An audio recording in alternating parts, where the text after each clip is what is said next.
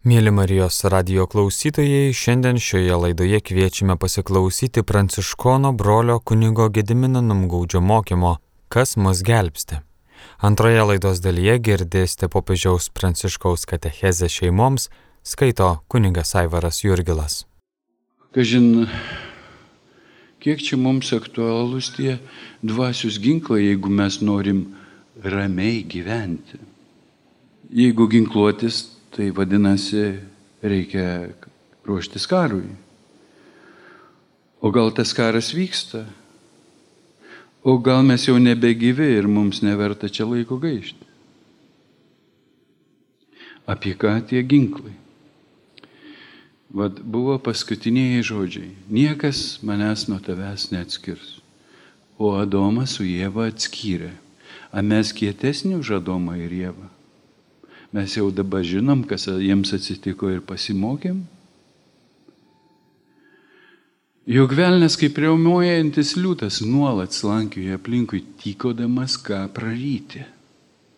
Ir todėl apaštalas Petras sako, priešinkitės jam tikėjimui ir jis bėgs nuo jūsų.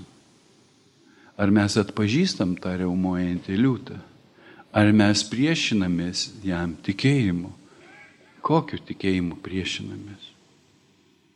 Apsistatę šventais daikčiukais, amuletais, iš Turkijos, sakykė, pasikabinę, iš Indijos drambliuką pasistatę, dar kampe varlę pasodinę, kuri ale pinigus neša, visokių balvonų katalikų namuose gali rasti.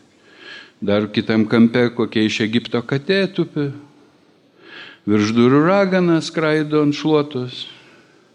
Nu, Jėzaus Marija, Jėzaus širdis, Jėzaus Marijos širdis irgi paveikslai, švest vanduo ir žvakės ir visas panteonas. Viską suderinam, viskuo apsidraudę, kaip sakant. Bet ar tai veikia? Kam ruošiam vaikus? Pirmai komunijai. Kas ta pirma komunija? Abrakadabra. Kažkokia duona ten duoda, kažką ten duoda. O kas ten? Kristaus kūnas, kraujas, koks Kristaus kūnas, koks kraujas. O ką ten viskupas daro per sutvirtinimą? Ženklas. Kieno ženklas? Malonės. Kokios malonės? Šventosios dvasios dovanos. Kiek reikia toliai, kol dasikas iki esmės ką gavom. Pas mus ritualizmas užgožia. Kunigai nevargsta išaiškinti, ką tas ženklas reiškia, kur jis veda. Todėl žmonės suteikia jiems magiškų galių. Liktai jie patys iš savęs veiktų ir be mūsų pastangų.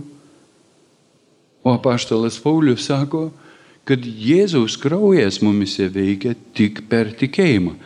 Jėzaus kraujas mumise kaip atpirkimo auka veikia per tikėjimą. O sakramentai veikia be tikėjimo. Kur klebonas dingo? Jis turėtų čia pasakyti, bažnyčia papildo. Nežinau, papildo, kiek papildo, kaip papildo, bet rezultatai liūdni su tuo papildymu. Atrodo, kad Dievas mus kviečia asmeniškai prisimti atsakomybę ir nenusiplauti ir neperkelti ant bažnyčios, ant kunigų, ant dar kažko. Labai asmeniškai kviečia į mūsų asmeninį santykį su Dievu. O velnės viską daro, kad tik mus išlaikytų atskirtyje nuo Dievo kad tik mes nepažintume Dievo meilės, nepatikėtume tą meilę, neprimtume tos meilės Jėzaus asmenyje į savo širdis. Ir jaunasi toks vaizdelis, va, tai, kad ir su piligrimais keliauja ar po šventą žemę. Oh, ah, oh, ah, o čia va šventa vieta, o čia ta šventasis, o ten ta šventasis, o ten ta šventasis, o čia Marija e, užmygo, o čia Marija paėmė, čia užmygo, ten paėmė, e, čia ortodoksai, ten katolikai, Katalikai, tai kur čia kas čia, čia tiek daug visko. Visi turi savo. Jokūbo galva pas armenus, Jeruzalėje kūnas, Santiago de Compostela, kur visi eina prie to kūno. O kodėl prie galvos neina į Jeruzalę? Armenai paslėpia giliai laiko. Nedasikazam iki malonės. Kokios malonės? Kažkur, nebeprisimenu, kuriam urve, ar pranašų kape, ar tėvė mūsų uoloj, kalbėjau tokį palyginimą piligrimams. Va, mes visi kaip toj dideliai vandens cisternai, kurių daug Jeruzaliai lietaus vandenį jie ten kaupdavo. Bet, o ir Juozapą buvo kažkur į šulinį metę, prisimenat Seną testamentą, jeigu tokią žydišką knygą skaitėt. Tai vat, sėdime toj cisternoj kaip kalėjime ir per tą skylę nuleidžia mums dangiškasis tėvas virvę, Jėzų. Kad mums duota kaip išganimo vadovo, kad mes į jį įsikiptume ir jis mus ištrauktų. Bet velnės daro visokius fokusus, stebuklus aplinkui. Labai religingoj dvasioj, labai pamaldžiai, pilna visokių šventųjų, panteonų, stebuklai po stebuklo, kad tik mes Jėzaus nepastebėtume. Į ką mes viltis sudedam? Ar mes nesam stabmeldžiai? Ar mes iš šventų dalykų nedarom burtus, magiją ir kažkokius amuletus? Pavyzdžiui, buvom ant Karmelio kalno, išklausėm Elijo istoriją visą, užsiminė karmelitai čia škaplius pardavinėja, bet krautuvėlė jau užsidariusi. Ir katalikai klausinėjo, o kas tas škaplis, o ką su juo daryti, su kuo jis valgomas. Nu, dvi medžiagos, du medžiagos gabaliukai su Jėzaus Marijos atvaizdais. O iš kur jie, kaip jie? Nu, Karmelitai buvo riteriai vyrai laimėjo mūšį, padarė įžadą, kad jeigu išliks gyvi laimės mūšį, užsidarys Dievo žodžio studijoms, kovos dvasinę kovą, suprato, kad ta kraujo praleimo kova, grumti su kūnu ir krauju beprasmiška. Na, bet jiems reikia diržo, jiems reikia riteriškų atributų, dvasios kariai. Tai vad jie turi šarvus. Tai taškapleris toks ant jų abito yra šarvas. Paskui Ale Marija pasiūlė liaudžiai škapleriukus. Tai nu, turėtų atstoti, arba tiksliau sakant, priminti reikalą, kad mes būtume apsiginklavę dvasiniais ginklais, kad būtume užsidėję tikėjimo šarvus. Bet dabar tai škapleriukas tampa eiliniu amuletų, kaip pakelė iš Turkijos, kaip raudonas siūlas iš žydų kabalistų tradicijos, kaip rankelė iš žydų irgi tradicijos, prietarai. Prietarai. Ir viešpaties pranašai visada jie kovojo su tais prietarais. Kovojo su ta stabmeldystė. Kovojo dėl ištikimybės Dievo tautos, ištikimybės Dievui. Laiškas Efeziečiams primena. Apaštalas Paulius pažinojo tą realybę. Pagaliau būkite tvirti viešpatyje ir jo galybės jėga Apsiginkluokite visais Dievo ginklais, kad galėtumėte išsilaikyti prieš velnio klastas. Mes grumėmės ne su krauju ir kūnu, bet su kunigaikštystėmis, valdžiomis, šių tamsybių pasaulio valdovais ir dvasinėmis blogio jėgomis dangaus aukštumose. Todėl imkitės visų Dievo ginklų, kad galėtumėte piktąją dieną pasipriešinti ir visą nugalėję išsilaikyti. Tad stovėkite susijuose strėnas tiesa, apsivilkę teisumo šarvais, Mes grumėmės ne su krauju ir kūnu.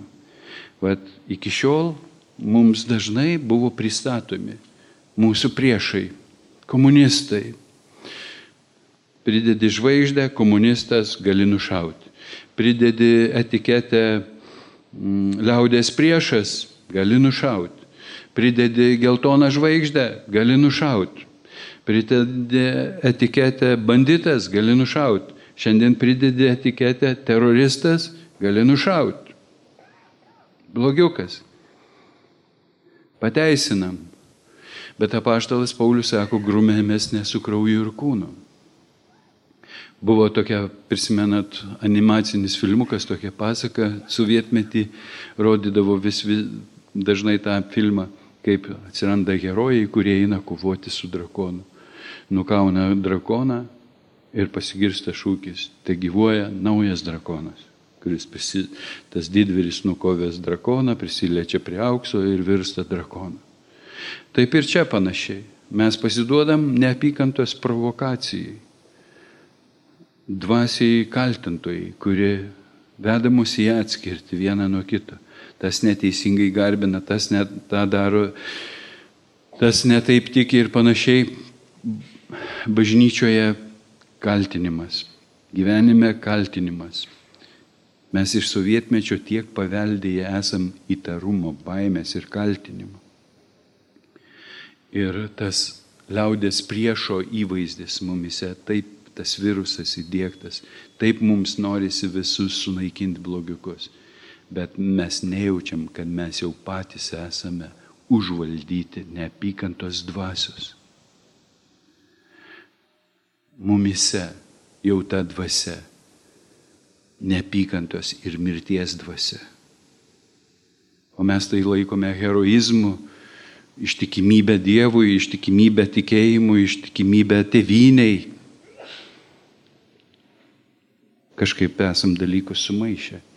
Taigi apaštalas Paulius sako, mes grumėmės su dvasinėmis galybėmis, blogio jėgomis dangaus aukštumose, su kunigaikštystėmis, turim reikalų. Jeigu nejaučiam kovos, tai reikėtų kaip tam patarime, kam virš 40 atsibūdę nejaučiat skausmo, įsignypkite ar dar gyvė esat. Jeigu nejaučiat kovos, tai ką žinai, ar esat gyvi. Gal nabašnikai. Dvasinė prasme. Neįdomus jau pragarui.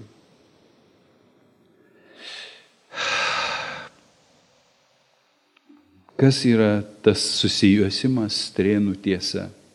Vat sunkumo kelnotojai susijuosia strėnas tokiu plačiodiniu diržu. Kovotojai eidami grumtinių susijuosia, kad negautų trūkio, kad, kad atlaikytų stuburas, sustiprinti, kad stovėtume tiesiai. Tiesa, kas yra tiesa? Girdėjom jau tą klausimą Evangelijoje, kas yra tiesa.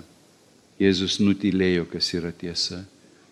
Jėzus yra tiesa, taip, Jėzus yra tiesa. Tiesa išlaisvinsius. Bet juk biški pameluoti galima. Uh, ypač dėl gero reikalo. Tai va, per tuos mažus kompromisus mes iškrypstame, mūsų stuburai iškrypsta. Mūsų stuburai nelaiko. Dievas yra tiesa, jis tiesia kalbis, jis myli teisingumą ir tiesą, jis nekenčia melo. O velnę Jėzus vadina melo tėvu. Ir kai aš meluoju, aš išduodu dangiškai tėvą. Kai meluoju, aš pakliūnu į šetono valdžią. Ir per tą melą jis gali mane kontroliuoti ir valdyti. Todėl mums reikia susijuosti strėną. Strėnas tiesa. Europos skautai išgirdę tą žodį, nešioja diržą su kryžiumi ir kai klausia jo, kam tavo tas, tas diržas, nebūtinai turi būti net ant kelnių, ne kelniams palaikyti, ne peiliui prisekti, nors ir tai patogu. Jiems pirmiausia tai yra ženklas, kad visada būčiau susijuosęs trenas tiesa, kad draugai manim pasitikėti galėtų. Ką reiškia teisumo šarvai? Kas saugo šarvai? Jie saugo krūtinę, nugarą nuo smūgių, nuo strėlių. Kas saugo mano širdį? Ramybėje, kad ji nebūtų atskirta nuo Dievo, kad ji neišduotų tėvo. Kas saugo? Kas bando mano, mane sužeisti mano širdį? Bet aš jau jūs pasmūgėvau biškelį. Jutot? Abejonės, nepasitikėjimas, ar aš teisingam keliui, baime, prietarai. Religingų žmonių tarpe labai daug religingų prietarų. Jie bijo pajokauti. Jie labai susireikšminę ir svarbus.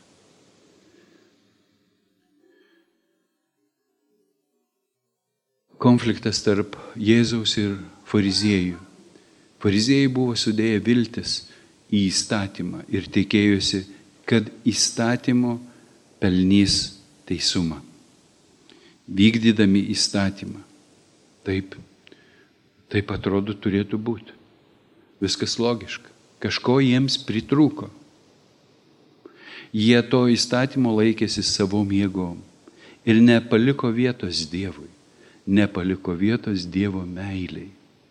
Apaštalas Paulius laiškė romiečiams rašo, kad mes nuteisinami ne įstatymo darbais, bet tikėjimu. Ir ne bet kokiu tikėjimu, kad Dievas yra, bet tikėjimu, kad Dievas prikėlė Jėzų iš numirusių tikėjimu, kad Jėzus yra atpirkimo auka ir jo kraujas mus atperka, nuplauna ir pašventina per tikėjimą.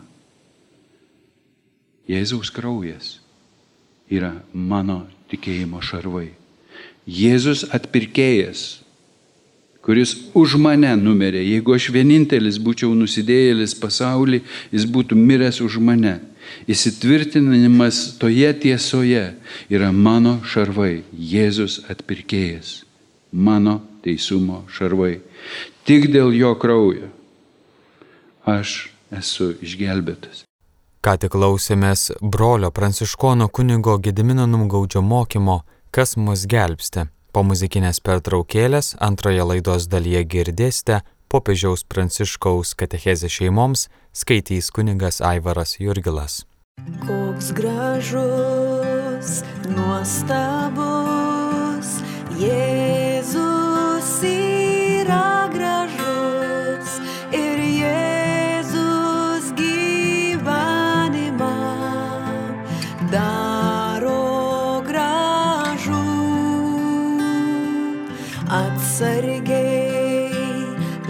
change.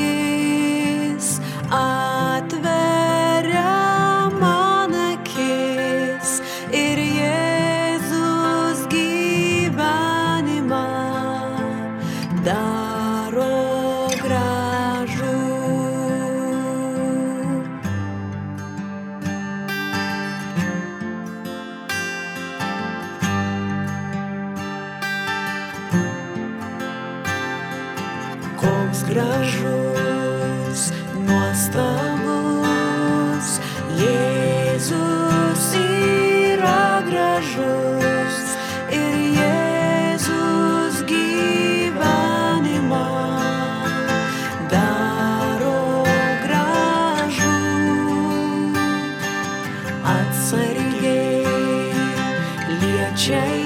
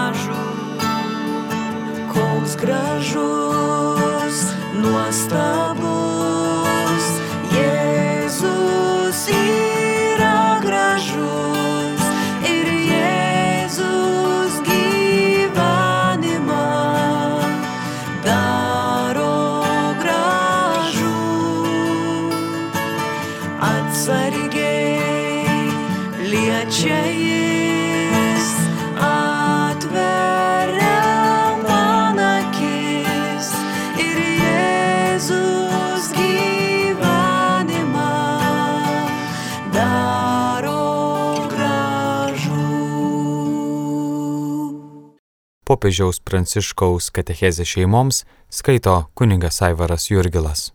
Prašau, ačiū atleisk. Šiandienos katechezė yra tarsi priengis apmąstymų serijoje apie šeimininį gyvenimą, apie gyvenimo su savo laikotarpiais ir įvykiais tikrovę. Virš įėjimo durų užrašyti trys žodžiai, kuriuos aš jau minėjau keletą kartų. Tai prašau, ačiū, atleisk. Šie žodžiai atveria kelią gerai gyventi šeimoje, gyventi ramybėje. Tai paprasti žodžiai, tačiau nėra taip paprasta juos įgyvendinti praktiškai. Juose glūdi daug galios. Galios apsaugoti namus, net patiriant daugybę sunkumų bei išbandymų. Priešingai, jeigu tų žodžių nėra, gali atsirasti plyšių ir netgi viskas sugriūti. Mes paprastai tuos žodžius laikome geru išsiauklėjimu. Išauklėtas žmogus prašo leidimo, dėkoja ir atsiprašo padaręs klaidą. Labai gerai. Geras išsiauklėjimas iš tikrųjų svarbu. Didis vyskupas Šventasis Pranciškus Salezas sakydavo, kad geras išsiauklėjimas yra jau pusė šventumo. Tačiau būkime atsargus. Istorija parodė, jog geros manieros gali tapti savotišku formalizmu, užmaskuojančiu sielos sausumą ir abejingumą kitam žmogui. Sakoma, kad po geromis manieromis slypia daugybė blogų įpročių.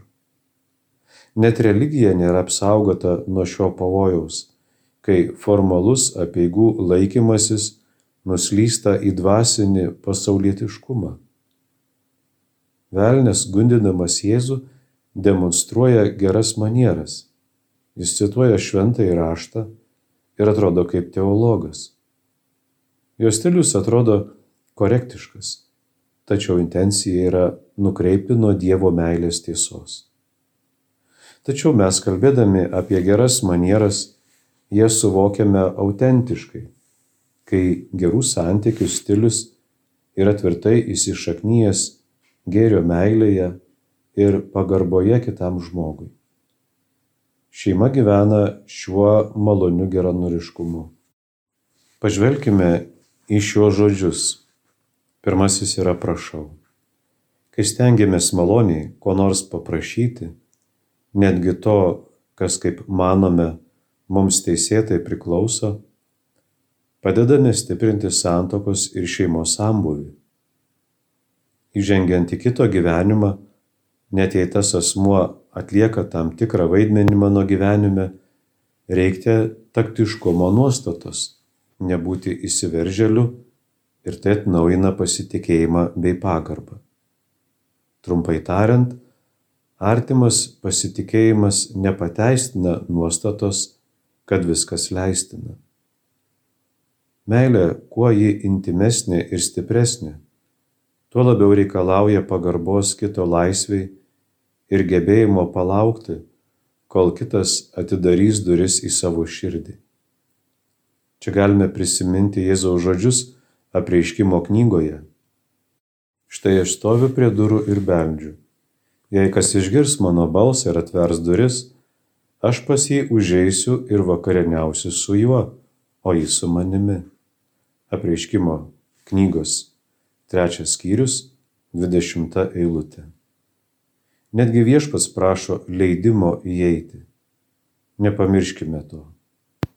Prieš imdamiesi ko nors šeimoje paklauskime, ar galiu tai padaryti, ar tau tai patiktų. Tai gero įsiauklėjimo, kupina meilės kalba. Tai daro labai gerą poveikį šeimoms. Antrasis žodis yra ačiū. Kartais stebimės, kad tampame blogų manierų ir blogų žodžių civilizacija. Tarsi tai būtų emancipacijos ženklas. Kai kada tai girdime net viešumoje. Mandagumas ir gebėjimas padėkoti dažnai suprantami kaip silpnumas ir dažnai kelia įtarimą. Su šia tendencija susidurėme netgi šeimoje. Turime būti tvirtai pasiryžę auklėti dėkingumo ir pripažinimo dvasia. Asmens orumas ir socialinis teisingumas. Šie abu dalykai nuo to priklauso. Jei šeimos gyvenime šios stiliaus nepaisoma, socialinėme gyvenime jis taip pat nunyks. Tikinčiajam dėkingumas yra tikėjimo šerdis. Nemokantis dėkoti krikščionis yra pamiršęs Dievo kalbą. Tai baisu. Prisiminkime Jėzaus klausimą po to, kai jis išgydė dešimt raupsuotų ir tik vienas atėjo jam padėkoti. Palyginti Luko Evangelijos 17 skyrius 18 eilutė. Atsimenu žodžius vieno labai išmintingo, gero žmogaus. Jis buvo labai paprastas, pasižymėjo maldingumo bei gyvenimo išmintimi ir sakė, dėkingumas yra augalas, augantis tik kilnių širdžių dirboje. Tas sielos kilnumas, ta Dievo malonės sieloje ragina mus su dėkingumu ištarti ačiū tai kilnios sielos žiedas. Tai iš tikrųjų yra kažkas gražaus. Trečiasis žodis yra atleisk. Jis toks sunkus, tačiau labai reikalingas. Kai jo trūksta, atsiveria maži plyšiai ir net jei to nenorime, jie gali tapti giliais grioviais. Jėzaus išmokytoje, tėvė mūsų maldoje, apimančioje visus esminius gyvenimo klausimus, ne veltui yra žodžiai. Atleisk mums mūsų kaltes, kaip ir mes atleidžiame savo kaltininkams. Mato Evangelijos 6 skyrius 12 eilutė. Pripažinti, kad suklydome. Norėti sugražinti tai, ko neliko. Pagarbos, nuoširdumo, meilės, Visai tai daro mus vertus atleidimo. Taip mes pagydome infekciją. Jei neįstengiame atsiprašyti, vadinasi, nesugebame ir atleisti. Tuose namuose, kur neprašoma atleidimo, ima trūkti oro, o vanduo tampa užsistovėjęs. Daugybė emocinių žaizdų Daug sužeidimų šeimose kyla dėl to, kad trūksta šio brangaus žodžio atleisk. Santokinėme gyvenime dažnai ginčijamasi, net lėkštės ima skraidyti. Tačiau leiskite duoti jums patarimą. Niekuomet neužbaikite dienos nesusitaikę vienas su kitu. Klausykitės įdėmiai. Ar ginčijotės tarpusavyje? žmona ir vyras, vaikai ir tėvai. Ar jūs aštriai ginčijatės? Tai nėra geras dalykas, tačiau iš tikrųjų problema yra ne tai. Problema kyla tuo met, kai tie jausmai išlieka ir kitą dieną. Taigi, jeigu ginčijotės, neleiskite, kad diena pasibaigtų nesusitaikius. Kaip galiu susitaikyti? Ar puldamas ant kelių? Ne. Mažas gestas, menkas dalykas ir darna šeimoje bus atkurta. Pakanka mažo švelnumo gesto, net be žodžių. tačiau neleiskite, kad diena pasibaigtų nesusitaikius. Ar supratot mane? Nelengva, bet privalote tai padaryti. Tai padės padaryti gyvenimą daug gražesnį. Taigi šie trys svarbiausi žodžiai šeimininiam gyvenimui iš tikrųjų yra paprasti, gal net kelia šypseną. Tačiau jeigu juos pamirštame, darosi nejokinga, ar ne? Galbūt mūsų geras auklėjimas pernelyg dažnai jų nepaiso. Tegul viešpats padeda mums sugražinti tuos žodžius ten, kur priklauso - į mūsų širdis, į mūsų namus, į viešąjį gyvenimą. Dabar kviečiu visus drauge pakartoti šiuos tris žodžius - prašau, ačiū, atleisk. Šie žodžiai turi iš tikrųjų įžengti į šeimos meilę, kad šeima funkcionuotų ir išliktų. Taip pat pakartokime visi drauge patarimą niekuomet neužbaigti dienos nesusitaikius. Ačiū. Šią popiežiaus pranciškaus katechezę šeimoms skaitė kunigas Aivaras Jurgilas. Pirmoje laidos dalyje klausėmės pranciškono brolio kunigo Gedimino numgaudžio mokymo Kas mus gelbsti. Likite su Marijos radiju.